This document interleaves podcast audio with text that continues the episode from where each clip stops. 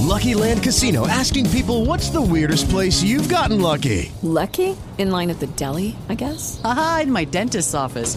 More than once, actually. Do I have to say? Yes, you do. In the car before my kids' PTA meeting. Really? Yes. Excuse me, what's the weirdest place you've gotten lucky? I never win and tell. Well, there you have it. You can get lucky anywhere playing at LuckyLandSlots.com. Play for free right now. Are you feeling lucky? No purchase necessary. Void where prohibited by law. 18 plus. Terms and conditions apply. See website for details.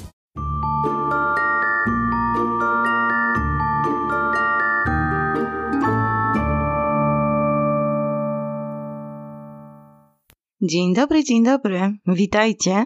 Z tej strony Paulina. To jest podcast w świecie słów. Jak się dzisiaj macie?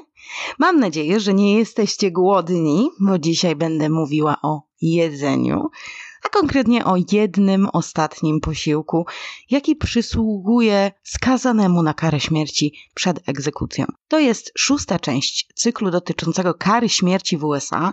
Jeśli interesuje Was ten temat, to odsyłam Was do poprzednich odcinków serii. Wszystkie linki znajdziecie w opisie. Zachęcam też do subskrypcji, by nigdy Was nie ominął żaden kolejny odcinek. Dzisiaj opowiem Wam o historii ostatniego posiłku, o pewnych stereotypach z tym związanych, czy wszystko, co sobie wymarzy skazany, to dostanie, czy nie?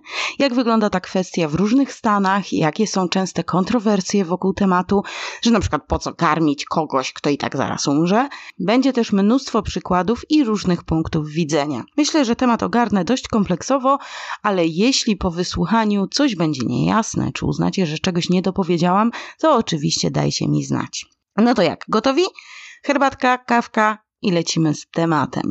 Ostatni posiłek, czy raczej eufemistycznie mówiąc specjalny posiłek, bo tak się oficjalnie nazywa, pewnie żeby za bardzo nie dołować i tak zdołowanych już niechybną śmiercią ludzi. Ja odnosić się będę do tego po prostu ostatni posiłek, nie jakieś tam specjalne posiłki. Na pewno słyszeliście o tym, a jeśli nie, to pewnie Was zaciekawi, że w USA panuje zwyczaj, że więźniowie w celi śmierci otrzymują ostatni posiłek według własnego wyboru. To wiąże się z mnóstwem kontrowersji, mnóstwo jest nieprawd, półprawd. Dzisiaj postaram się wszystko Wam na ten temat wyjawić i od razu tylko powiem, że zagadnienie to jest nieco bardziej skomplikowane niż nam się wydaje. Są pewne zasady, wytyczne i to nie jest tak, że co chcesz, to dostaniesz. No ale o tym za chwilę. Postanowiłam nagrać o tym odcinek, ponieważ jest to temat, który bardzo ściśle wiąże się z karą śmierci. W momencie, kiedy czytam artykuły na stronach poświęconych karze śmierci w Stanach, to bardzo często ten dopisek jest. Nie tylko ostatni posiłek, ale też ostatnie słowa, ostatnie oświadczenie przed śmiercią, bo jest to taki element tego rytuału. Egzekucja to w ogóle jest ponury rytuał. Ostatni posiłek jest częścią tego rytuału i rytuałem samym w sobie. Ale to nie jest coś, co ci się należy z automatu. To jest tradycja, to nie jest reguła i wynika z dobrej woli. Żadne prawo nie daje automatycznie więźniom prawa do czegokolwiek poza standardowymi posiłkami kuchni więziennej, więc to jest przywilej. Utarło się, że skazaniec otrzymuje taką możliwość, bo jest to humanitarne i daje skazańcowi pewną kontrolę.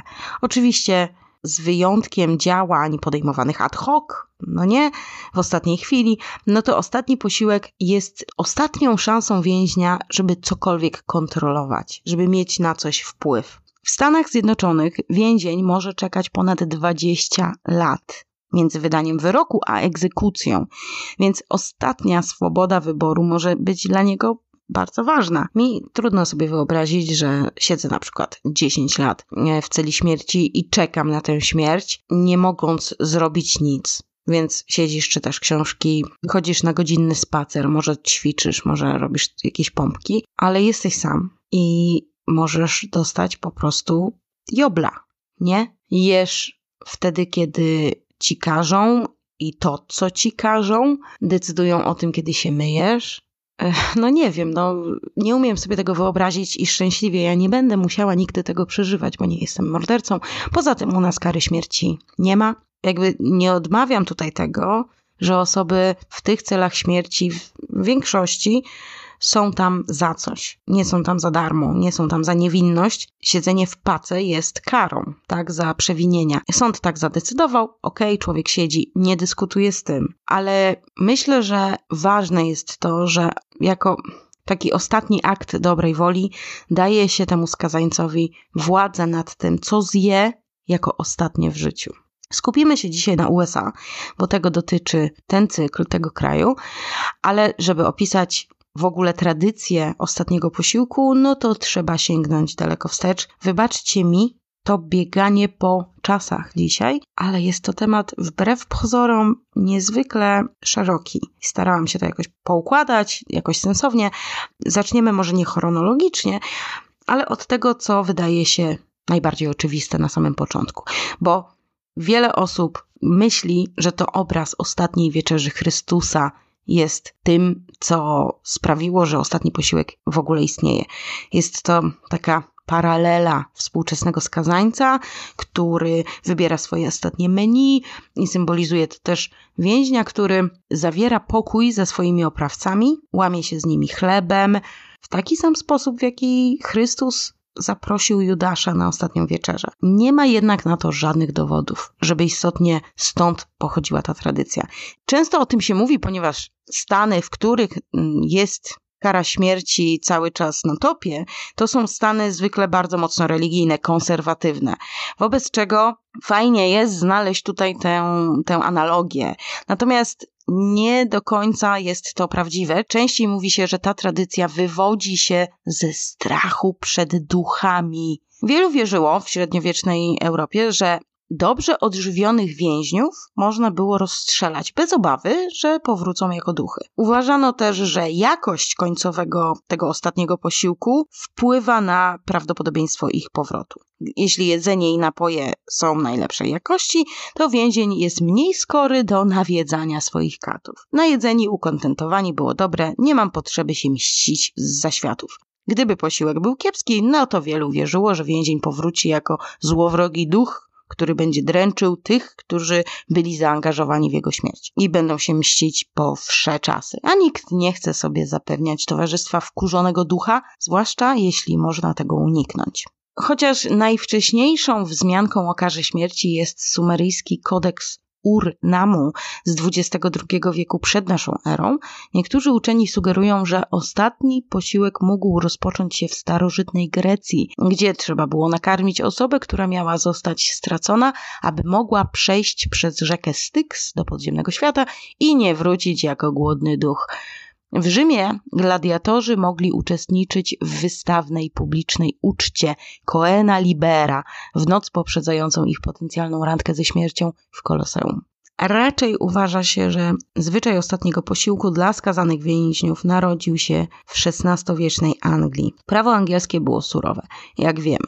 Istniała długa lista przestępstw, za które groziła kara śmierci. Często naprawdę za drobne przestępstwa, na przykład obraza króla, kradzież kurczaka, czary. Skazani byli przetrzymywani w londyńskim więzieniu Newgate i kiedy nadszedł ich czas, byli wieszani publicznie w oddalonym o 3 mile Tyburn Fair. Karmiono ich wtedy tylko chlebem i wodą w czasie oczekiwania na powieszenie. Ale w czasie tego spaceru z więzienia na stryczek, cała procesja, bo to oczywiście szła cała procesja, mogła się zatrzymać w pubie na zwyczajową, i tutaj cytat, wielką miskę piwa do wypicia dla przyjemności jako ostatnie pokrzepienie w życiu. To było znane jako posiłek kata, a cały ten rytuał określano mianem rytuału wisielca.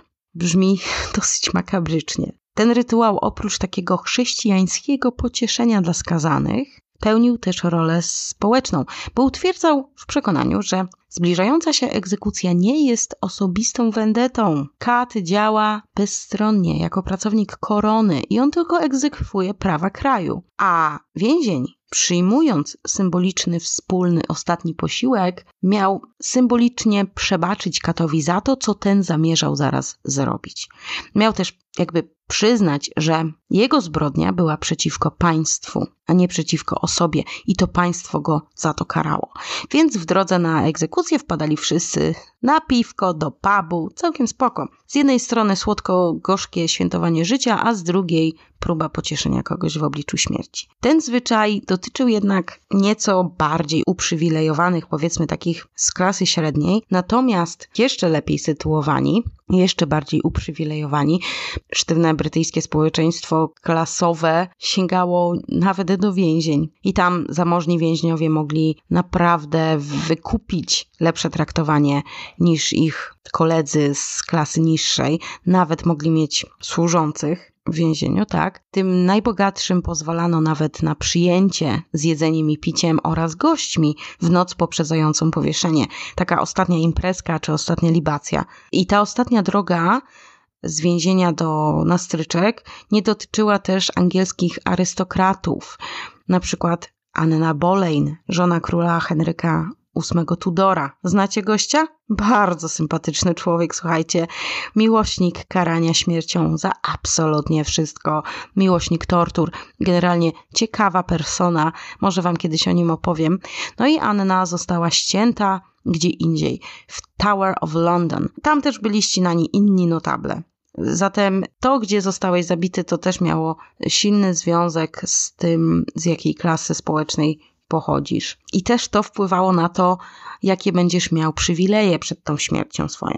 Na przykład Sir Walter Raleigh, żeglarz i pisarz, faworyt królowej Elżbiety I, który został ścięty w Londynie na Old Palace Yard w Westminsterze na podstawie wyroku wydanego przeciwko niemu 15 lat wcześniej za spisek przeciwko królowi Jakubowi I, to nie dość, że dano mu czas, żeby wygłosił 40-minutowe przemówienie, do wszystkich, to jeszcze mm, pozwolono mu, żeby zapalił sobie fajkę zanim straci głowę. I w ogóle Old Palace Yard to jest kolejne po Tower of London i Tyburn Fair miejsce egzekucji. Old Palace Yard możecie sobie zwiedzić. To jest otwarta, utwardzona przestrzeń w Westminsterze w centrum Londynu. Tam dokonano egzekucji też Gaja Fawkesa i innych konspiratorów spisku prochowego. Remember, remember, the 5th of November. I to taka dygresja. Wracamy do jedzenia.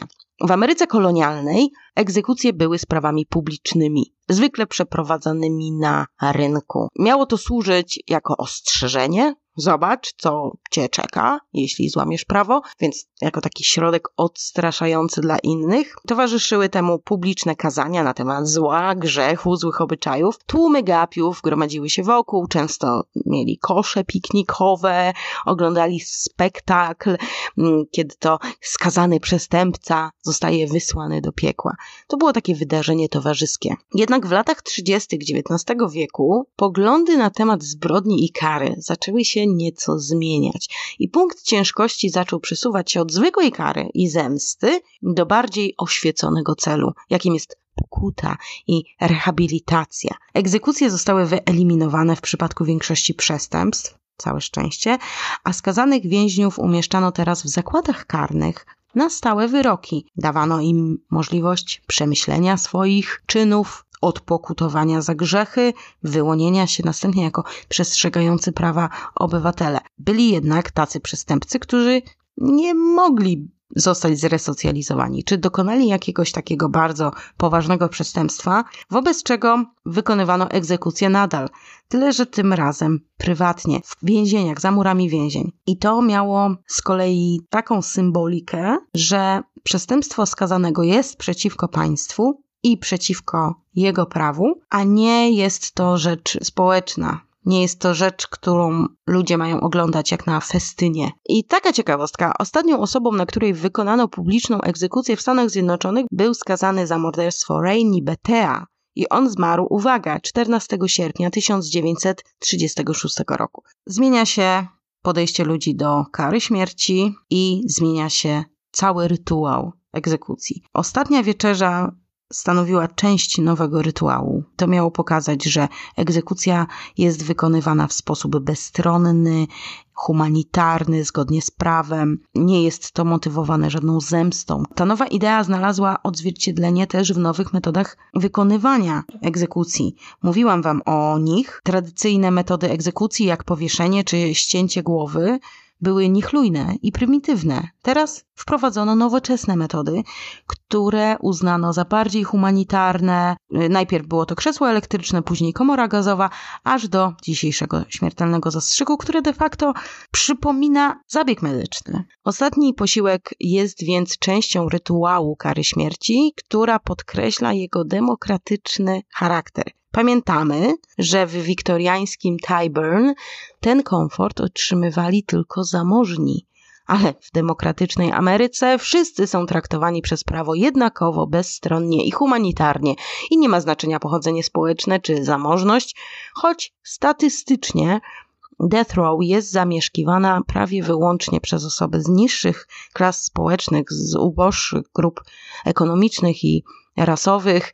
No, takie są statystyki, ale niezależnie, nawet jeśli jesteś bogaczem, celebrytą, to teoretycznie trafiasz w to samo miejsce i masz te same prawa co wszyscy inni. Scott Christianson, który obszernie opisał historię amerykańskiej kultury więziennej, uważa, że znormalizowany ostatni posiłek pojawił się prawdopodobnie pod koniec XIX lub na początku XX wieku wraz z powstaniem nowoczesnego państwa administracyjnego, brudne i hałaśliwe publiczne egzekucje wypadły z łask, a idee zdolności człowieka do poprawy moralnej podsyciły sprzeciw wobec kary śmierci. Więc teraz rehabilitacja, a nie tylko odstraszanie i karanie, to stało się ważnym celem sankcji karnej. Troszeczkę się zmieniły poglądy, tutaj nie tylko na szafot i ścinamy łeb temu przestępcy, a jednocześnie liczymy na to, że inni zobaczą i stwierdzą, hmm, jednak nie będę napadał na ten bank, tylko będziemy podchodzić do skazańców jak do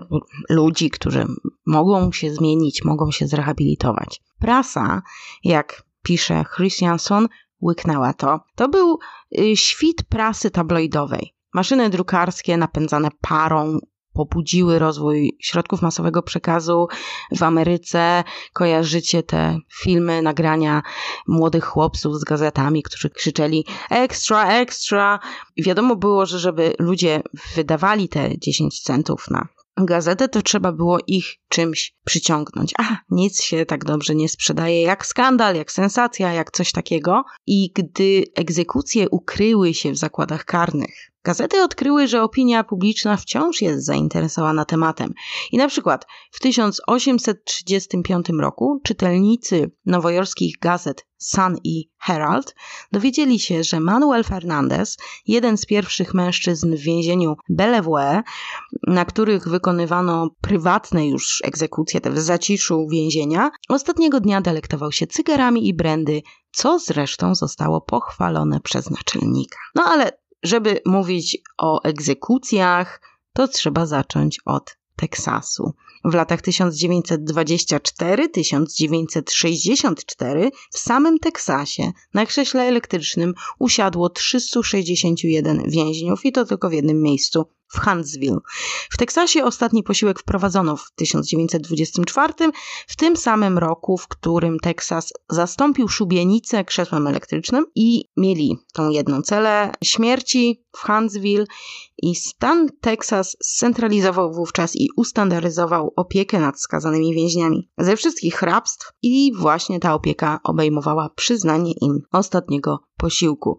Co bardzo wymowne, Dziś Texas Department of Criminal Justice nie zezwala już na ostatnie posiłki. Skazani dostają standardowy posiłek przed egzekucją. To, co akurat daje kuchnia, to się dostaje. Nie ma dyskusji. Praktyka ostatnich posiłków zakończyła się tam po egzekucji w 2011 roku. Skazany więzień, Lawrence Russell Brewer, poprosił o obfity posiłek i to jest niedopowiedzenie.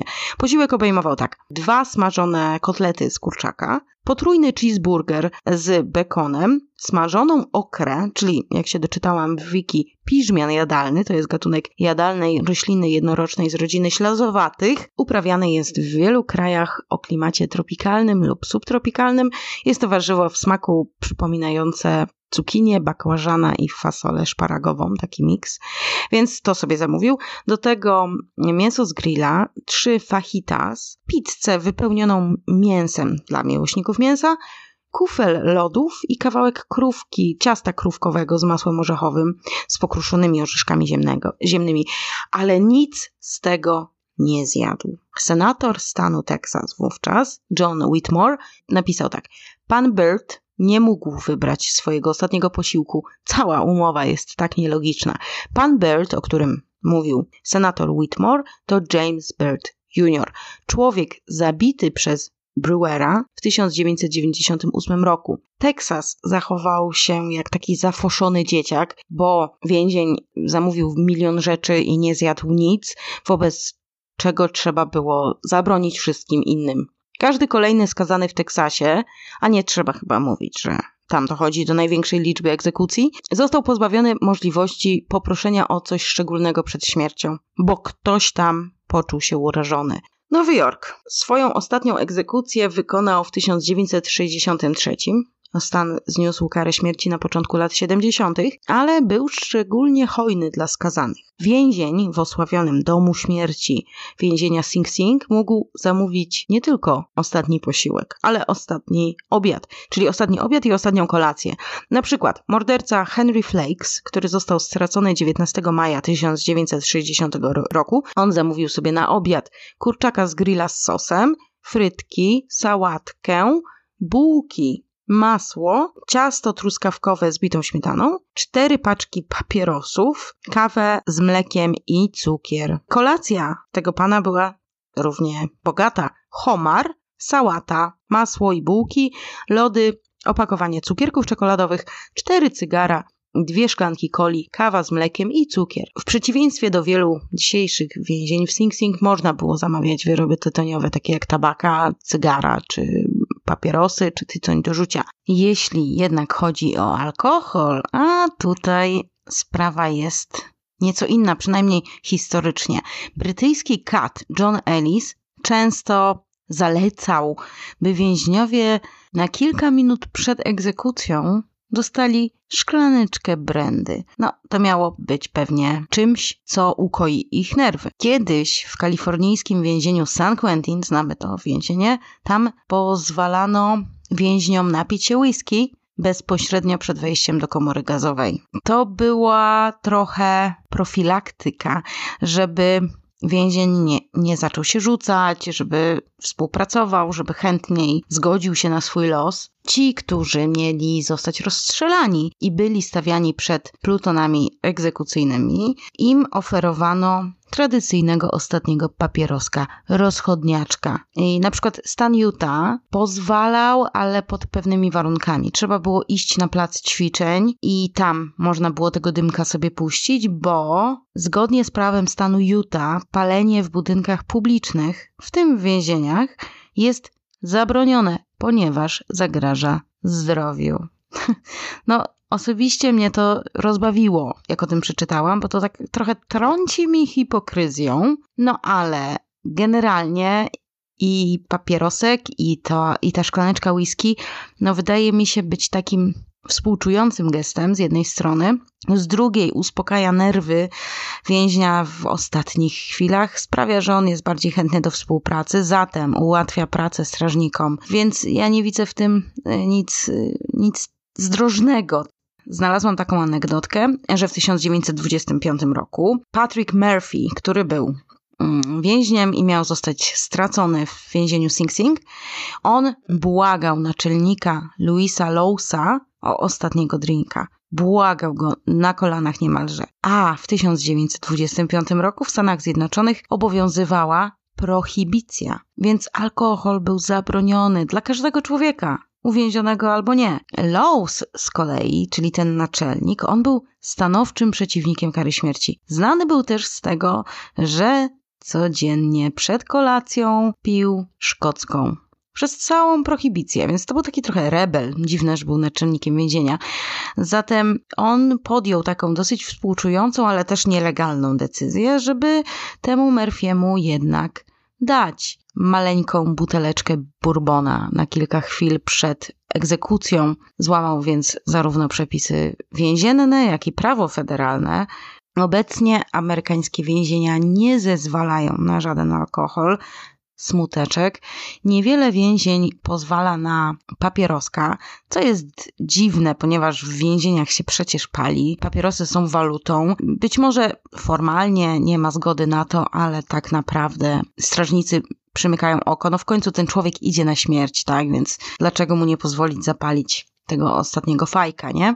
Przechodzimy do spraw bardziej aktualnych. I tak, na koniec 2022 roku w 37 stanach, czyli niemal 3 czwarte kraju, kara śmierci nie obowiązuje lub od dekady nie przeprowadzono w nich egzekucji. Znamienne jest to, że niemal całe południe wciąż przeprowadza egzekucję u siebie, ale to, że w jakimś stanie nie ma kary śmierci, nie oznacza, że się jej nie dostanie bo na terenie całych USA obowiązuje przecież prawo federalne, które dopuszcza kary śmierci, zatem jeśli narozrabiasz, to wciąż możecie czekać czapa. W sumie 27 stanów USA nadal zezwala na wykonywanie kary śmierci. Ta liczba maleje na przestrzeni lat, co moim zdaniem jest dobrym zjawiskiem, Siedem kolejnych stanów zniosło karę śmierci od 2009 roku. Jest też moratorium w wielu miejscach. Poszczególne stany mają różne wytyczne, niekoniecznie spisane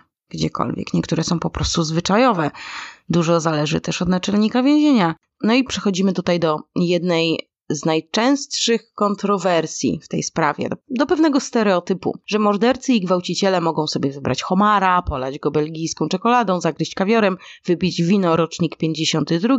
Nie. Wszystkie nagłośnione historie o ostatnich posiłkach, wszystkie informacje na stronach internetowych więzień, wszystkie artykuły w prasie, one informują o tym i ja też będę dzisiaj przekazywała takie informacje.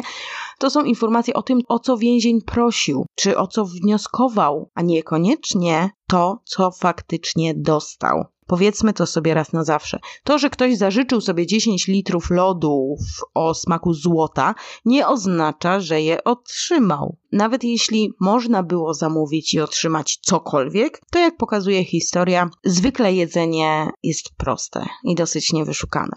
Znacie taką stronę na Facebooku, kryzysy w social mediach wybuchają w weekendy? Mega kryzys wizerunkowy zaliczyła już w 1985 roku Pizza Hut. Wyemitowała reklamę, w której więzień skazany na śmierć zamawia Pizza Hut jako swój ostatni posiłek. Więzień z reklamy zostaje ułaskawiony w ostatniej chwili.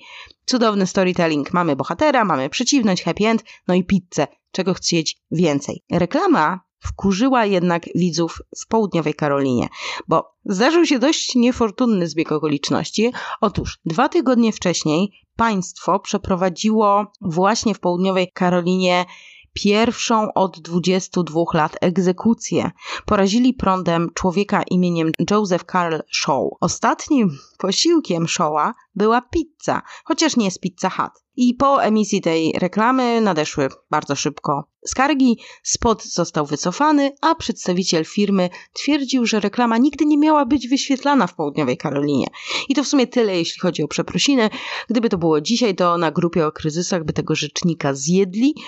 Nie przepraszamy za to, że reklama była w złym guście, nie na miejscu, nieodpowiednia i niestosowna. Przepraszamy za to, że niewłaściwe osoby ją zobaczyły. Przepraszamy, że ktoś poczuł się urażony. No, żenada. Ale ta pizza jest dobrym symbolem ostatniego posiłku w ogóle, bo przywija się w bardzo wielu wnioskach. W Ameryce, gdzie cele śmierci, podobnie jak więzienia w ogóle, są w dużej mierze wypełnione mężczyznami z niższych szczebli drabiny społeczno-ekonomicznej, to w prośbach o ostatni posiłek dominują produkty zapewniające komfort, dostępne na rynku masowym, czyli frytki, napoje gazowane, smażony kurczak, ciasto, słodycze. Od czasu do czasu pojawia się coś, co socjologowie nazywają pożywieniem statusowym, czyli na przykład stek, homar, krewetki, takie rodzaje żywności, które w kulturze popularnej przywodzą na myśl obraz zamożności. Ale Pomiędzy comfort food a luksusami jest jeszcze mnóstwo różnych opcji. Czasami jest na bogato, czasami wręcz ubogo symbolicznie. I tutaj taki najbardziej symboliczny akt będzie. Jonathan Wayne Nobles, swoją drogą wymowne nazwisko. On został stracony w Teksasie w 1998 roku za zasztyletowanie dwóch młodych kobiet. Był wtedy totalnie naćpany. No i on poprosił o sakrament Eucharystii. Nobles przeszedł podczas uwięzienia na katolicyzm, odstawił narkotyki i stał się świeckim członkiem duchowieństwa. Przyjął opłatek, gdy był przywiązywany do noszy. Według wszystkich relacji było to szczerym i takim potężnym pokazem skruchy. Śpiewał cichą noc, gdy chemikalia zostały uwolnione do jego żył. Jako przykład, w pewnym momencie ten człowiek próbował uratować życie przypadkowej kobiecie, o której usłyszał, że umierała z powodu niewydolności nerek. Jednak Chociaż udało mu się znaleźć lekarza do wykonania zabiegu usunięcia jednej z jego nerek i oddania jej kobiecie, ostatecznie okazało się, że para nie ma pasujących grup krwi, no i kobieta zmarła. Nobles później próbował oddać wszystkie swoje y, narządy po swojej egzekucji, ale ta prośba została odrzucona, ponieważ stan Teksas nie pozwolił więźniom z celi śmierci na oddawanie swoich narządów. Swoją drogą uważam, że to trochę jest bezsensowne, a z drugiej strony, kto chciałby mieć przeszczepione oko albo serce, takiego Teda Bandiego na przykład? No akurat Teda Bandiego to pewnie dużo osób, ale takiego Gacy'ego, albo jakiegoś mniej znanego, ale podłego mordercy, każdego z celi śmierci, tak generalnie. Jest to kolejna kwestia etyczna, którą zostawimy na razie przynajmniej. Jakie są zasady zamawiania posiłków? Niektóre stany mają to zapisane i wniosek trzeba złożyć jakiś czas przed egzekucją. W Arizonie więzień może poprosić o ostatni posiłek, wypełniając formularz i zwracając go nie później niż 14 dni przed egzekucją. W procedurach jest taki zapis. Należy dołożyć wszelkich starań, aby uwzględnić wniosek. Są jednak ograniczenia.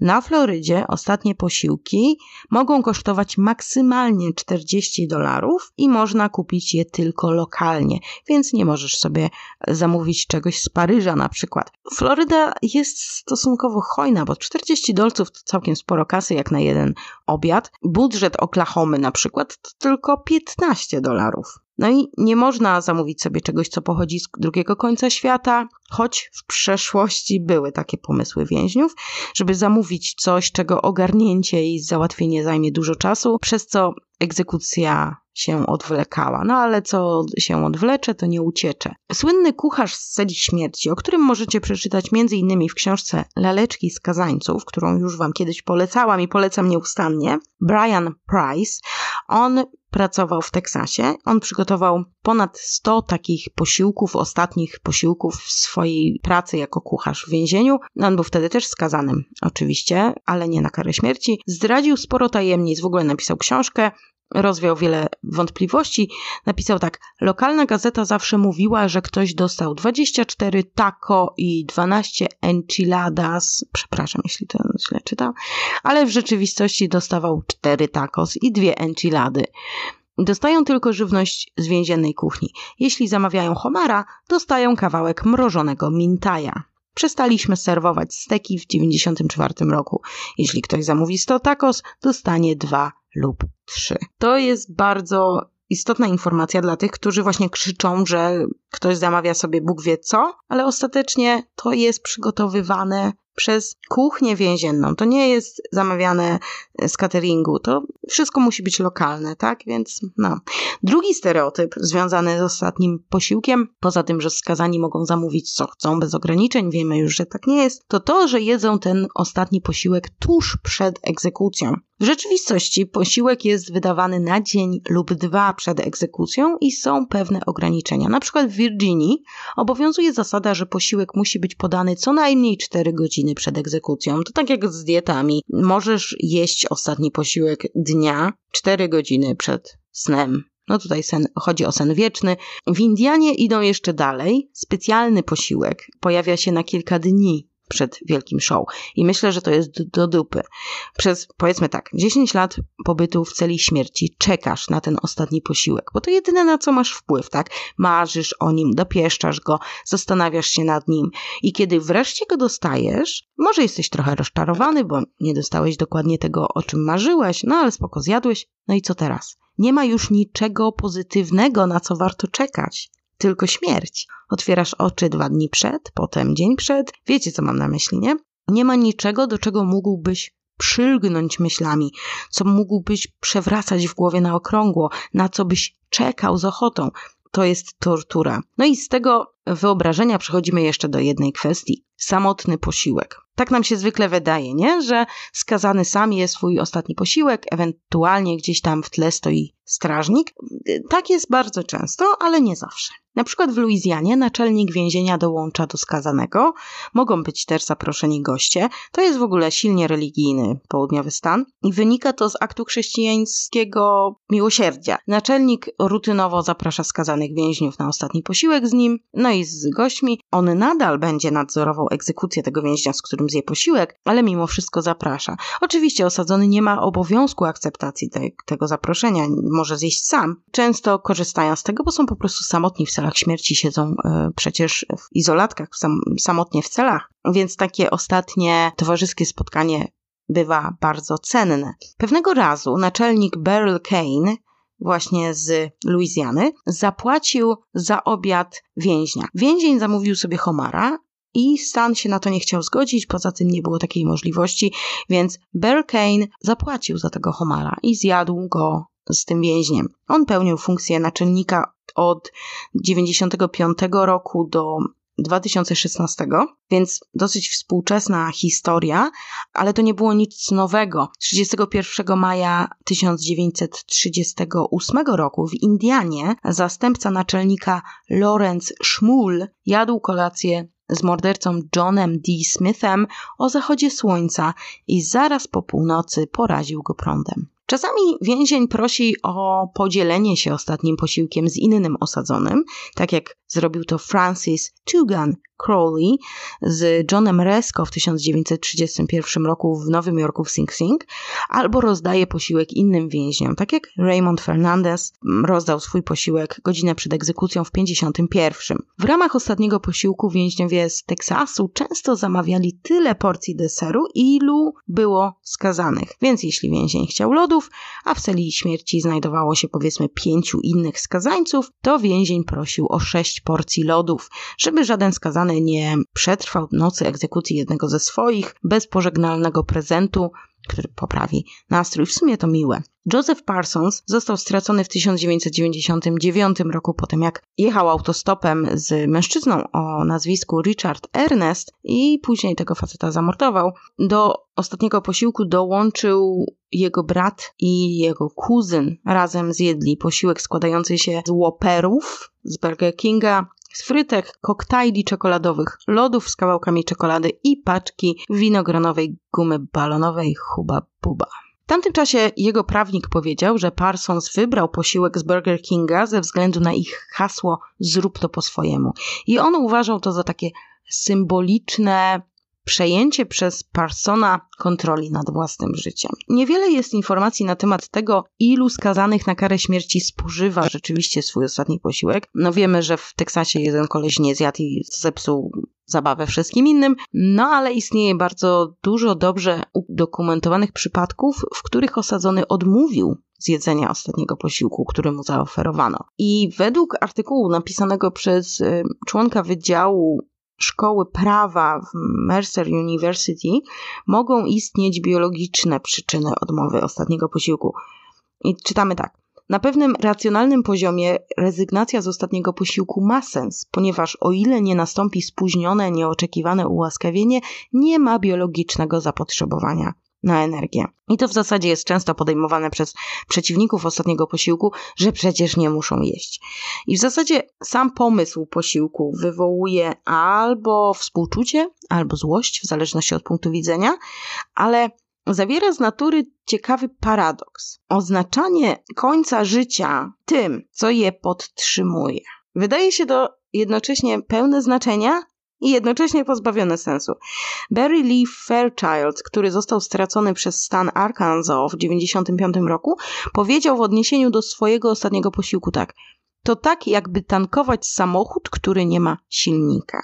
Poprosił o cokolwiek, co było akurat w menu kuchni tego dnia i nie było według niego sensu wybierać czegokolwiek innego, skoro i tak miał umrzeć. Niektórzy odmawiają ostatniego posiłku, by okazać pogardę władzom więziennym, albo po prostu dlatego, że ze strachu i, i ze stresu nie są w stanie stawić czoła jedzeniu. Są ludzie, którzy stres zajadają, ja należę do takich osób, a są ludzie, którzy się głodzą, gdy się denerwują. Nie są w stanie niczego przełknąć. Niektórzy wybierają potrawy, do których podchodzą sentymentalnie, które coś im przypominają, albo ulubione potrawy, których na pewno nie jedli od czasu aresztowania. Może to być jako pocieszenie, jako przypomnienie szczęśliwych szczęśliwszych czasów. Niektórzy zamawiają duże posiłki, niektórzy zamawiają małe posiłki, niektórzy z ciekawości zamawiają jedzenie, którego nigdy wcześniej nie próbowali i nie jedli. Ostatnią egzekucją w Nowym Jorku była egzekucja Ediego Lee Mace'a 15 sierpnia 1963 roku. Mace nie chciał jeść ani pić, tylko poprosił o paczkę papierosów i pudełko zapałek. Tyle, że zapałki były zabronione dla skazanych. Mace otrzymał swoje papierosy, ale o zapałki musiał prosić Więc za każdym razem, kiedy chciał zapalić papierosa, to musiał wstać, podejść, poprosić, zawołać i poprosić o odpalenie mu fajki. W San Quentin jeden z żydowskich więźniów zamówił wyszukany koszerny posiłek, ale też zamówił kanapkę z szynką, bo to była jedyna okazja i pierwszy raz w jego życiu, kiedy zjadł kanapkę z szynką. Inny więzień e, San Quentin, Wilson Delaroy, obrócił swój ostatni posiłek w żart. Zapytany o wybór ostatniego posiłku poprosił o paczkę tabletek na niestrawność. Zapytali go dlaczego, a on się zaśmiał i powiedział – Mogę mieć gazy w brzuchu. Wilson. Judy was boring. Hello. Then Judy discovered ChumbaCasino.com. It's my little escape. Now Judy's the life of the party. Oh, baby, mama's bringing home the bacon. Whoa, take it easy, Judy. The Chumba life is for everybody. So go to ChumbaCasino.com and play over 100 casino style games. Join today and play for free for your chance to redeem some serious prizes. ChumbaCasino.com. No purchase necessary. Void where prohibited by law. 18 plus terms and conditions apply. See website for details. With Lucky Land slots, you can get lucky just about anywhere. Dearly beloved, we are gathered here today to. Has anyone seen the bride and groom? Sorry, sorry, we're here. We were getting lucky in the limo and we lost track of time. No, Lucky Land Casino, with cash prizes that add up quicker than a guest registry. In that case, I pronounce you lucky. Play for free at LuckyLandSlots.com. Daily bonuses are waiting. No purchase necessary. Void where prohibited by law. 18 plus. Terms and conditions apply. See website for details. Słaby żart, no. Suchar. Na sam koniec walnąć takiego suchara trochę, trochę żal. Jeszcze inni chcą przez wybór ostatniego posiłku coś powiedzieć, coś przekazać, jakąś myśl, jakąś ideę. W 1960 roku pewien mężczyzna nazwiskiem Wiktor Fweger, Figer, Figuer, on został aresztowany, gdy próbował sprzedać samochód swojej ofiary, doktora Edwarda Bartelsa, którego zwabił do pokoju motelowego i tam go zastrzelił. Na swój ostatni posiłek Figer, Figuer, nie wiem jak to się czyta, poprosił o jedną oliwkę. Okay, round two. Name something that's not boring. A laundry? Ooh, a book club. Computer solitaire, huh? Ah, oh, sorry, we were looking for Chumba Casino. That's right. ChumbaCasino.com has over 100 casino style games. Join today and play for free for your chance to redeem some serious prizes. ChumbaCasino.com. No purchase necessary. Full prohibited by law. 18 plus terms and conditions apply. See website for details. With the Lucky Land slots, you can get lucky just about anywhere. This is your captain speaking. Uh, we've got clear runway and the weather's fine, but we're just going to circle up here a while and uh, get lucky. No, no, nothing like that. It's just these cash prizes add up quick. So I suggest you sit back, keep your tray table upright, and start getting lucky. Play for free at LuckyLandSlots.com. Are you feeling lucky? No purchase necessary. Void where prohibited by law. 18 plus terms and conditions apply. See website for details. Z peską w środku. Jedną oliwkę, ale musiała być ta pestka. I po egzekucji patolodzy znaleźli dziurę w kieszeni jego garnituru. Legenda głosi, że Fegwer miał nadzieję, że zostanie pochowany wraz z pestką i z jego grobu wyrośnie drzewo oliwne, symbol pokoju. Stanowe wydziały więziennictwa zaczęły zamieszczać prośby o ostatni posiłek na swoich stronach internetowych i w zasadzie możecie znaleźć mnóstwo takich informacji. Teksas, który jako pierwszy zaczął o tym pisać, zamknął swoją stronę w 2003 roku, bo dostali bardzo dużo skarg, że, że treść jest niestosowna. I to znowu mi trąci hipokryzją. Ale dobra, Jednym z takich głośnych przypadków wywołania pewnej dyskusji w rezultacie ostatniego posiłku był to przypadek mordercy o nazwisku Ricky Ray Rector. On popełnił dwa raczej bezsensowne morderstwa, po których próbował popełnić samobójstwo. Strzelał sobie w głowę. Skończyło się to tym, że przeżył ten strzał, bo strzelił sobie w skroń. Jest to powszechny sposób na zabicie się w filmach, ale w rzeczywistości jest bardzo możliwy do przeżycia, jeśli w pobliżu jest pomoc medyczna i osoba zamiast zabić się, to zrobiła sobie tak naprawdę lobotomię, nie? Rektor przeżył, miał kulę w mózgu i miał dosyć ułomne zdolności umysłowe po tym akcie. Mimo to został skazany na śmierć. To było dosyć kontrowersyjne, no ale został skazany na śmierć, bo w chwili popełnienia zbrodni był poczytalny, a że później nie ogarniał świata, no cóż, bywa. W 1992 roku kandydat na prezydenta i gubernator stanu Arkansas, Bill Clinton, został skrytykowany bardzo mocno za odmowę wstrzymania egzekucji rektora. Ale słuchajcie, gość był tak odklejony, że poprosił o kawałek placka z orzechami pekan na deser po swoim ostatnim posiłku, zjadł ten posiłek, ale postanowił nie jeść ciasta. Zapytali go, dlaczego nie jesz tego ciasta? I on powiedział strażnikom, zostawiam go sobie na później. I to było sensacją medialną. Strażnicy schowali ten kawałek ciasta na wypadek, gdyby jednak udało się wstrzymać egzekucję w ostatniej chwili. Niestety do tego nie doszło i Ricky został stracony. Dalszych losów ciasta nie znam. Kolejne zagadnienie natury etyczno-moralnej dzisiejszego dnia, prawdaż? Kolejny temat do refleksji, każdy we własnym sumieniu. Czy osoba, która postradała zmysły z jakiegoś powodu, w przypadku rektora to był to uraz mechaniczny, kulaw mózgu i czy w związku z tym trzeba go karać śmiercią tylko dlatego, że przed tą próbą samobójczą był poczytalny i w pełni władz umysłowych popełnił morderstwa? No bo jeśli on nie ogarnia, to po co jest ta śmierć? Czy to jest kara dla niego, chociaż on i tak nie rozumie, co się z nim dzieje? Czy to jest dla nas? Żebyśmy my czuli, że sprawiedliwości stało się zadość. Morderca dostał za swoje. No ale co z tego, jeżeli on nie ogarniał, co się z nim dzieje? Myślę, że w tym wszystkim zapomina się o tym, że osoba, która została poddana karze, zdaje sobie sprawę z tego, za co tam jest i może codziennie rozpamiętywać te swoje zbrodnie i być może ich żałować.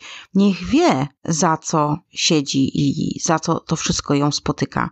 Dobra, i teraz kilka przykładów ostatnich posiłków. Pomieszałam te obrzydliwie wielkie z tymi skromnymi i normalnymi, żebyście nie zaczęli czuć się głodni, więc zacznijmy od dużego zamówienia.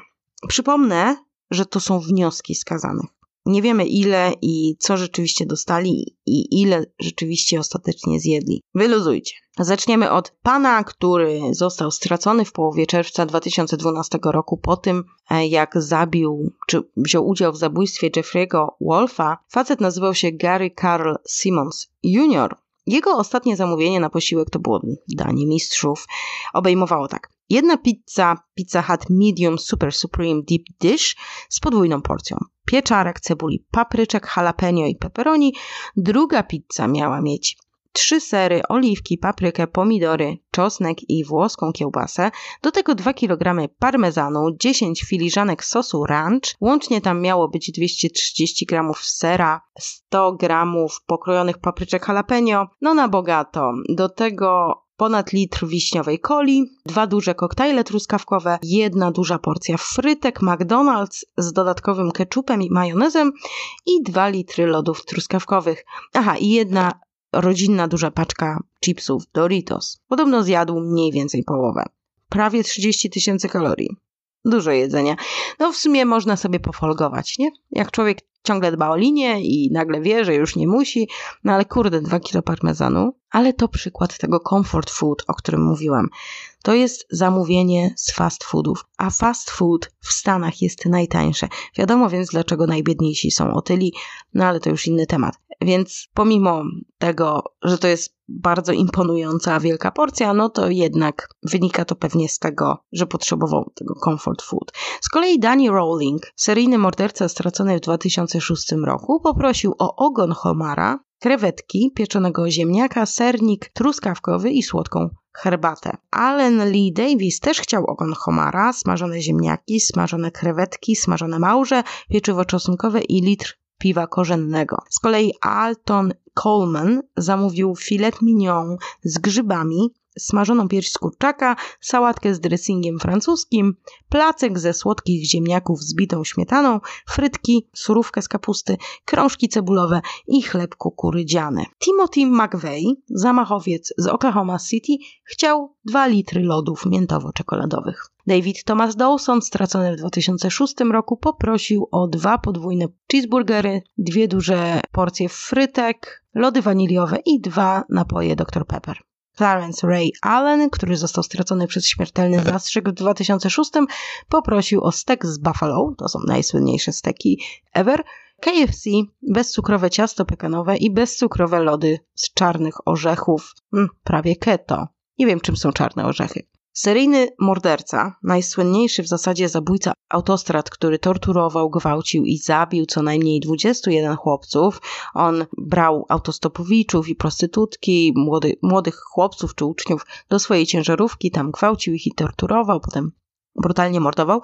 Często używał ich własnych koszulek, żeby ich udusić. Nazywał się William Bonin i on, kiedy był skazany na śmierć w 96, no już do, do egzekucji w 96 dochodziło, to on zamówił sobie dwie duże pizze pepperoni, dodatkowe kiełbaski, trzy litry lodów czekoladowych i trzy sześciopaki coli i Pepsi. Hmm? Steven Woods, skazany za zabójstwo młodej pary w maju 2001 roku, przed egzekucją swoją w 2011 ucztował kilogramem bekonu, dużą pizzą, smażonym kurczakiem, Mountain Dew, Pepsi piwem korzennym, słodką herbatą, do tego lody, dwa burgery z bekonem, hmm, znowu, jeszcze frytki do tego i tuzin paluszków czosnkowych. Niezła porcyjka, kilo boczku. Dobie Gillis Williams, stracony w 1999 roku po tym, jak napadł na dom pewnej kobiety i ją zamordował,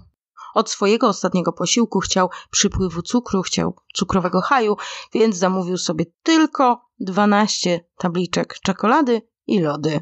Seryjny morderca John Wayne Gacy, o którym na pewno słyszeliście, jeśli nie, to są trzy odcinki na jego temat na moim kanale, to on połączył swoje comfort food z takim luksusem, bo zamówił tak tuzin smażonych krewetek, kubełek oryginalnego kurczaka KFC, frytki i funt truskawek. Przypomnę, że był kierownikiem filii KFC przez wiele lat. Widać miał facet sentyment.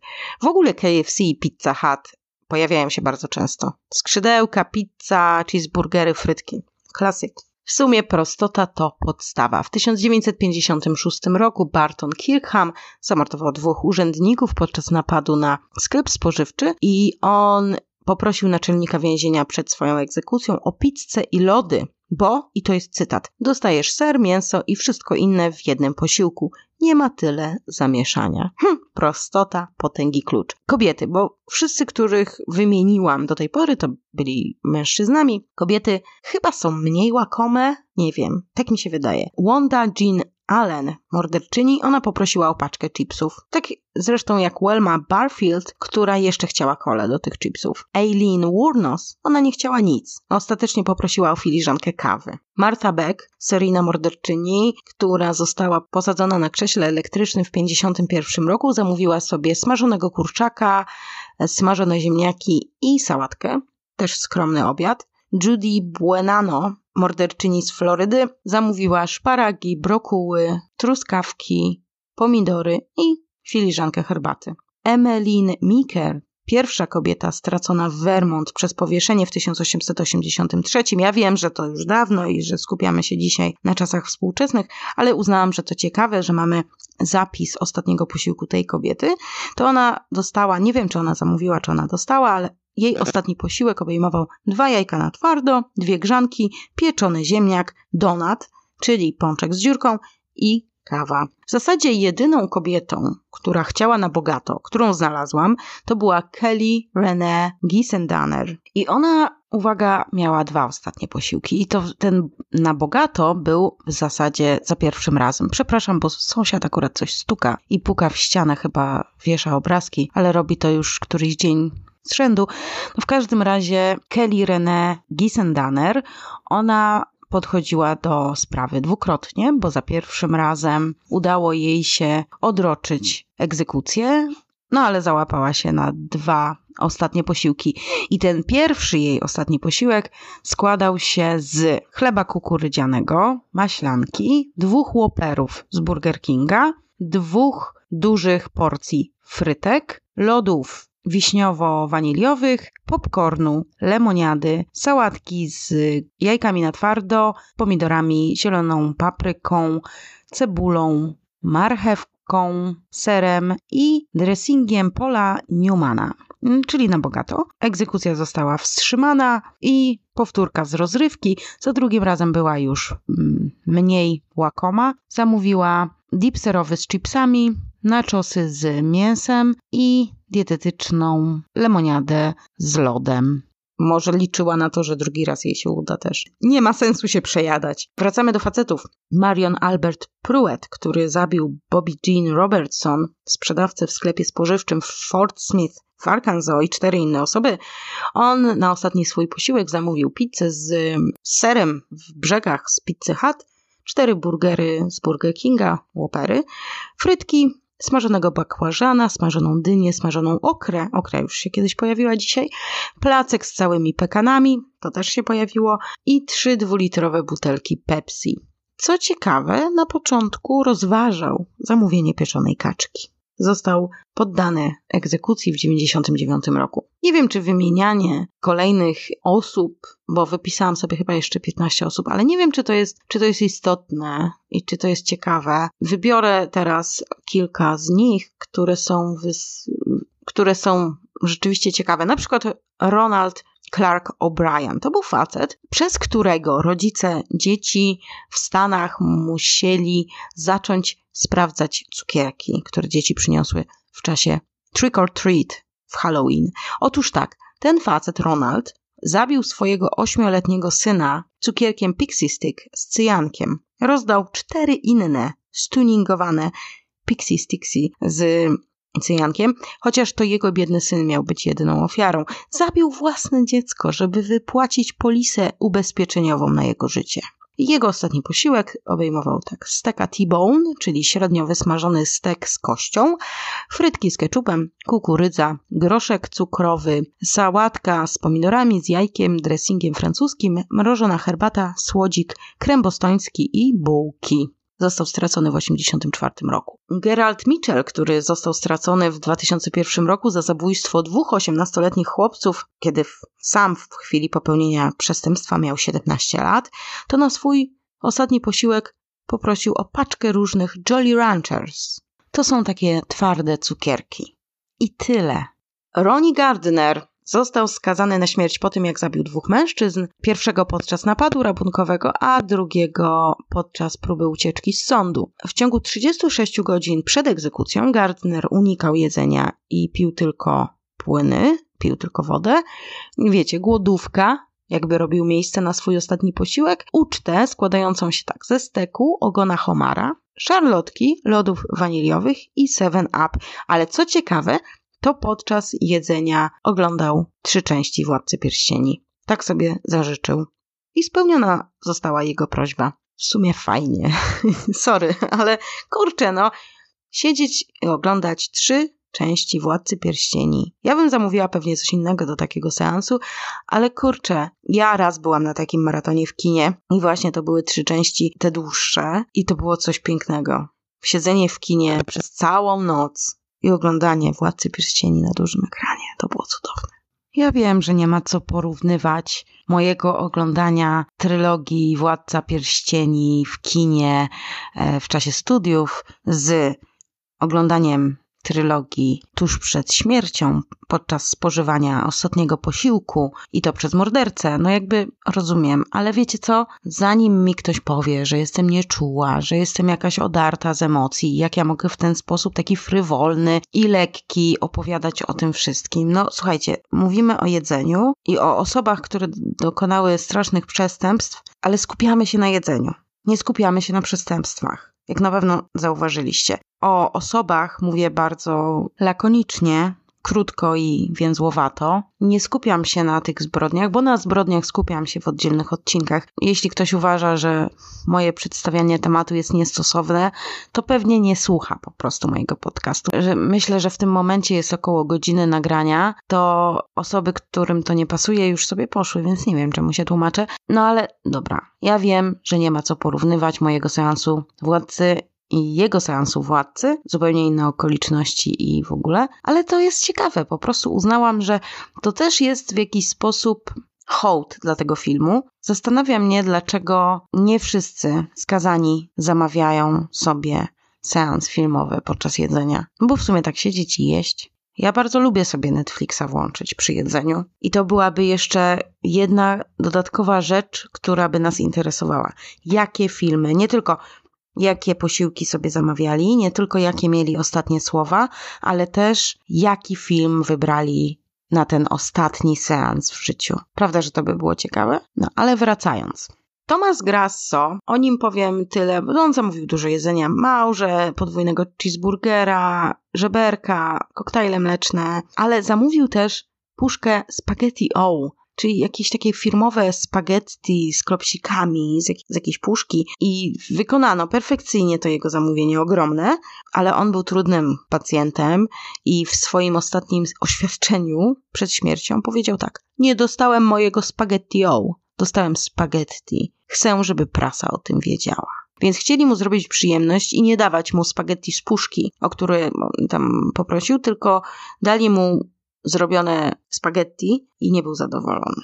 Z drugiej strony, może to spaghetti O miało dla niego jakieś znaczenie symboliczne, sentymentalne, być może kojarzyło mu się z jakimiś lepszymi czasami z przeszłości. No, być może, ale słuchajcie, żeby o czymś takim powiedzieć w swoich ostatnich słowach, to jest myślę, taka trochę roszczeniowa postawa. Niezwykłe jest to, że to było jego największe zmartwienie wówczas. Może warto by było przeprosić, poprosić o wybaczenie, powiedzieć coś mądrego, coś wartościowego.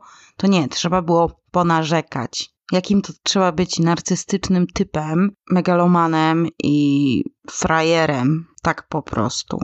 Jeszcze jedna taka dosyć nietypowa prośba, to była prośba Filipa Workmana, który zastrzelił policjanta podczas napadu na restaurację typu fast food. Workman odmówił złożenia prośby o ostatni posiłek dla samego siebie.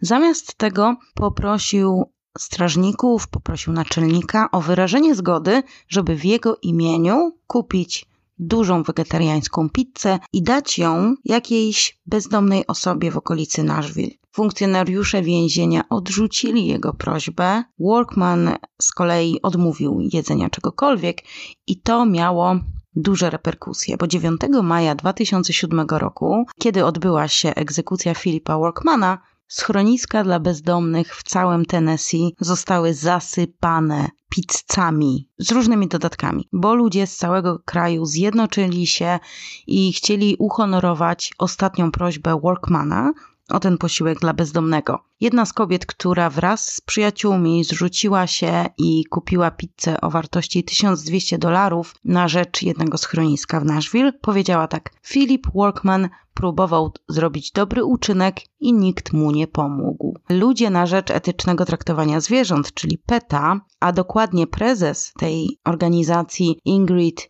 Newkirk podarował 15 wegetariańskich pizz dla bezdomnych, i skomentował, że działanie Workmana było bezinteresowne, a życzliwość dla wszystkich żywych istot jest cnotą. To była niesamowita historia, kiedy ludzie się zjednoczyli, żeby spełnić prośbę więźnia. On chciał tylko, żeby w jego imieniu nakarmili bezdomnego, jakiegokolwiek. I służby więzienne nie uhonorowali tej prośby, więc ludzie wzięli sprawę w swoje ręce. Takie historie napawają nadzieją, prawda? I są dosyć podnoszące na duchu. Musicie przyznać, że są. Z drugiej strony takie to amerykańskie, nie? Ted Bundy odmówił jedzenia ostatniego posiłku, ale dostał steki, jajka, placki ziemniaczane, takie hash browns. Wiecie, kojarzycie z maka, do śniadania można sobie zamówić. Jejku, jakie one są dobre. Do tego jakieś ciasto, dżem, masło. Ostatecznie chyba niczego nie zjadł. I teraz dwa ostatnie, ostatnie posiłki tego roku 2023. Mamy początek lutego, zatem za chwilę to się zmieni. Do dzisiaj w tym roku odbyły się już cztery egzekucje, ale opowiem o dwóch ostatnich posiłkach. Dlaczego? Dlatego, że dwie egzekucje spośród tych czterech odbyły się w Teksasie. A jak wiemy, w Teksasie nie ma czegoś takiego jak ostatni posiłek deal with it. Te dwie osoby, które zostały stracone w Teksasie w tym roku, to byli Robert Alan Fratta, 65-latek, który odsiedział bardzo wiele lat. Były policjant, który zlecił zabójstwo swojej żony, bardzo kontrowersyjna sprawa. I druga osoba to Wesley Lynn Ruiz, który zabił policjanta w Teksasie. Pozostałe osoby stracone w tym roku to pierwsza osoba, czyli Amber McLaughlin, została stracona 3 stycznia 2023 roku. To była pierwsza amerykańska transpłciowa kobieta stracona w ogóle, ever. Tutaj akurat egzekucja odbyła się w Missouri. Ona została stracona za gwałt i morderstwo swojej byłej dziewczyny Beverly Genter w 2003 roku. W chwili popełniania zbrodni McLaughlin była mężczyzną, żyła jako mężczyzna, natomiast doszło do zmiany płci podczas uwięzienia. Sprawa bardzo głośna, bardzo głośna w mediach, na pewno o tym słyszeliście. Amber McLaughlin zażyczyła sobie dosyć skromny posiłek, cheeseburgera z frytkami, truskawkowego szejka i M&M'sy te z orzeszkiem. Druga osoba, spośród tych, które zostały stracone, a które miały możliwość zamówienia ostatniego posiłku, to Scott Eisenberg. On został stracony w Oklahomie 12 stycznia. W chwili śmierci miał 62 lata. Został stracony za zamordowanie starszej pary 19 lat temu. Jego ostatnie słowa brzmiały: Jestem spokojny, moje sumienie jest całkowicie czyste, kocham moje dzieci. W każdym razie on otrzymał swój ostatni posiłek w postaci steku i dwóch porcji frytek. Też dosyć skromnie. Słuchajcie, dlaczego fascynują nas tak bardzo ostatnie posiłki? Hm? Według artykułu opublikowanego przez BBC News w 2011 roku, rytuał ostatniego posiłku zapewnia Amerykanom przejmujący ludzki związek z ludźmi, o których zdecydowali, że powinni umrzeć za swoje zbrodnie. W tym samym artykule ekspert prawa kary śmierci, który wykładał na Wydziale Prawa Uniwersytetu Fordham, powiedział, że rytuał ostatniego posiłku przyciąga uwagę opinii publicznej, ponieważ czynność siadania do obiadu jest czynnością, którą Amerykanie bez doświadczenia życia więziennego mogą odnieść do własnego życia. Czyli jest to coś, co nas łączy z mordercami. Jeszcze inny artykuł opublikowany w 2012 roku w czasopiśmie Appetite jest szczegółową analizą tego, co autorzy nazwali żywieniem w celi śmierci. Współautorem tego był Brian Wonsing, który zrezygnował z profesury na Uniwersytecie Cornell po tym, jak pojawiły się wątpliwości dotyczące metodologii stosowanej w jego badaniach dotyczących wyborów żywieniowych konsumentów. Niemniej Artykuł ten jest bardzo często cytowany, pewnie ze względu na jego szczegółowość. Analizuje 247 więźniów, a w zasadzie 247 ostatnich posiłków, wszystkie zamówione przez skazanych więźniów w Stanach Zjednoczonych w latach 2002-2006. Przeciętny posiłek, to jest bardzo ciekawe, zawierał 2756 kalorii. Średni posiłek, sporo ale oszacowano, że cztery zamówienia z Teksasu i Oklahomy przekroczyły 7 tysięcy kalorii. 70% więźniów prosiło o smażone jedzenie, wielu prosiło o konkretne marki. 16% zamówiło Coca-Colę, trzech więźniów chciało dietetyczną kolę. Ciekawe jest też to, że z tych 247 analizowanych osób 24 wyznało niewinność, a 60 osób przeprosiło za swoje wykroczenie. Chociaż wielkość próby jest niewielka, to można wyciągnąć kilka fascynujących wniosków. Ci, którzy wierzyli, że są niewinni, częściej odmawiali zamówienia ostatniego posiłku. Ci, co zaprzeczyli winie 2,7 razy częściej odmówili ostatniego posiłku. Kniffin i Wansing, czyli autorzy tego, tej analizy, argumentowali, że ci, którzy przyznali się do winy, byli spokojni, gotowi do jedzenia. Ci ludzie jedli też cięższe posiłki. Żądali o 34% więcej kalorii niż reszta osób. I ostatnia uwaga, ci, którzy zaprzeczali swojej winie, jedli znacznie mniej markowych artykułów spożywczych. Przez prawie 25 lat w Teksasie wykonywano więcej, więcej egzekucji niż w jakimkolwiek innym stanie, w którym obowiązuje kara śmierci, ale to się zmieniło w 2016 roku i teraz to wyróżnienie należy do Georgii. I taka ciekawostka, jeden z więźniów w Georgii zamówił bardzo skromny posiłek, zamówił kanapkę z grilla i szklankę lemoniady. Jego doradca, czy tam jego adwokat, przyjął ten formularz i powiedział: Nie, nie, nie, chcesz więcej. I dodał surówkę z białej kapusty, drugą kanapkę, cukierki, trochę lodów, bo pomyślał, że ten więzień jest tak serdeczny i miły, tak dobrze mu się z nim współpracowało w więzieniu, że chciał mu zrobić dobrze. Przeczytałam taką opinię, że to znaczyło więcej dla tego doradcy niż dla samego więźnia. I tu cytat. Myślę, że ostatnie posiłki są mniej ważne dla kultury więziennej niż dla społeczeństwa. Jako społeczeństwo, podczas gdy nadal stosujemy karę śmierci, przynajmniej dostrzegamy, że dajemy skazanym na śmierć godny finał. No a może po prostu trzymamy się koncepcji ostatniego ludzkiego aktu dobra. Nigdy nie będziemy w stanie zrozumieć w pełni uczuć osób skazanych za te odrażające zbrodnie, więc zamiast tego fascynujemy się jedzeniem, czymś, co możemy zrozumieć. I znalazłam taki cytat jednego faceta, który to analizował. Powiedział tak: Być człowiekiem to zawsze szukać sensu w banalności. Ostatni posiłek często bywa tematem różnych dzieł sztuki, różnych rozpraw, różnych dziwnych rzeczy. Na przykład e, Jacqueline C. Black robiła takie fotograficzne odtworzenia ostatnich posiłków.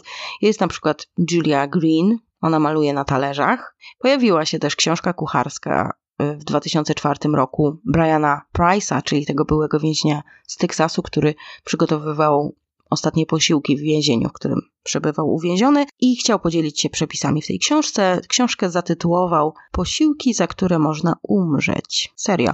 Jak zaczniecie grzebać, znajdziecie mnóstwo dzieł sztuki, powiedzmy, inspirowanych ostatnim posiłkiem. Fotografie, obrazy, takie jak Kate McDonald, odtworzenia tych posiłków, książki. Jest tego ogrom. Artyści często używają tego jako medium do wyrażenia sprzeciwu wobec kary śmierci, jak na przykład talerze Julie Green. Ostatni posiłek to dziwnie symboliczny i afirmujący życie rytuał w odczłowieczonym środowisku celi śmierci. Jest jednak w pewnym sensie tylko skrajnym przykładem intymnego związku między jedzeniem a śmiercią, który jest częścią zwyczajów związanych z końcem życia w prawie wszystkich społeczeństwach.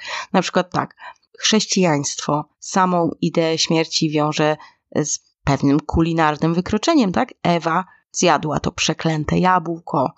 Starożytni Egipcjanie malowali obrazy jedzenia na ścianach grobowców, aby nawet jeśli rodzina zmarłego nie wywiązała się ze swojego obowiązku składania ofiar, to jego dusza nadal będzie karmiona i pocieszana rdzenni Amerykanie mieli bardzo dużo różnych ceremonii związanych z jedzeniem, gdy umierał członek plemienia. Na przykład Huronowie organizowali ucztę pożegnalną, aby pomóc odważnie umrzeć osobie. Umierający był ubierany w szatę pogrzebową, dzielił się specjalnymi potrawami z rodziną i przyjaciółmi, wygłaszał przemówienie, śpiewał wszystkim. Jedzenie jest też integralną częścią meksykańskiego Dnia Zmarłych, który wywodzi się ze świąt Azteków i tam uważa się, że zmarłe dusze wracają na ziemię, więc groby są czyszczone i odmalowywane i pojawiają się ofiary ze specjalnych potraw. Tamales, słodkie pan de muerto, czyli chleb zmarłych, To mi wygląda na takie bułeczki. No i czaszki zrobione z cukru. One historycznie były robione z nasion amarantusa. Do tego jeszcze likier. I to wszystko jest pozostawiane zmarłym, żeby zachęcić ich do odwiedzin w czasie tego święta. A w Ameryce, w Ameryce żywność jest bardzo ważna, też po śmierci, w czasie żałoby. Zauważyliście na filmach, że kiedy bohater przeżywa żałobę po śmierci kogoś bliskiego, to wszyscy sąsiedzi i znajomi przynoszą mu zapiekanki, zapiekankę z makaronem, z kurczakiem, z serem. Taki jest zwyczaj. Przynosi się mu jedzenie, bo wiadomo, że osoba w żałobie nie myśli o gotowaniu, nie myśli o, o niczym, ale tam to połączenie jedzenia z dobrym samopoczuciem jest bardzo trwałe. Niestety to się odbija na otyłości Amerykanów, ale generalnie pomijając to, że niektórzy przesadzają po prostu, nie znają umiaru, nie ma w tym niczego złego, tak, że znajduje się pocieszenie w jedzeniu w takich chwilach, nie? No jeść każdy musi, więc dlaczego nie mieć z tego jakiejś przyjemności? Często mówi się, że ci haniebni przestępcy dostają swój ostatni posiłek właśnie dlatego, że nie okazaliby takiej uprzejmości swoim ofiarom. Więc to ma na celu zademonstrowanie, że egzekucja różni się od morderstwa i wszystkie inne zwyczaje związane z egzekucją, czyli obecność świadków, możliwość rozmowy z duchownym, możliwość wypowiedzenia swoich ostatnich słów, stosowanie tych humanitarnych metod egzekucji, to wszystko pełni tę samą funkcję. Te wygody nie są tak naprawdę dla tych skazanych, potępionych. W końcu ta osoba ma umrzeć. Żadna ilość steków, pizzy, lodów tego nie zmieni. To jest dla reszty z nas, żebyśmy zdystansowali się od przemocy aktu, który wykonujemy, na który się zgadzamy. Jesteśmy lepsi od mordercy, bo on nie pozwolił swojej ofierze na ostatni posiłek, a my chociaż go zabijamy, czyli de facto robimy to samo. Jakby efekt jest taki sam, no nie? To jednak jesteśmy humanitarni w tym. Jesteśmy dobrzy, bo dajemy mu możliwość zjedzenia swojej ostatniej pizzy. No, słuchajcie, to jest wszystko kwestia etyczna, moralna. Bardzo chętnie poznam Waszą opinię na ten temat. To była oczywiście niewielka część wielkiej całości. Jeśli jesteście zainteresowani, to jest taka strona na angielskiej wiki Last Meal i tam jest piękna tabelka ze wszystkimi zanotowanymi ostatnimi posiłkami i to nie tylko ze Stanów. Na swojego face'a od jakiegoś czasu wrzucam grafiki z ostatnim posiłkiem, więc też możecie tam zaglądać. W ogóle kilka linków znajdziecie w opisie. Bierzcie i czytajcie do woli. Akurat ten temat, temat ostatniego posiłku, proszę Państwa, w internecie jest bardzo szeroko podejmowany. Ja już kończę nudzić, ale mam do Was jeszcze jedno pytanie.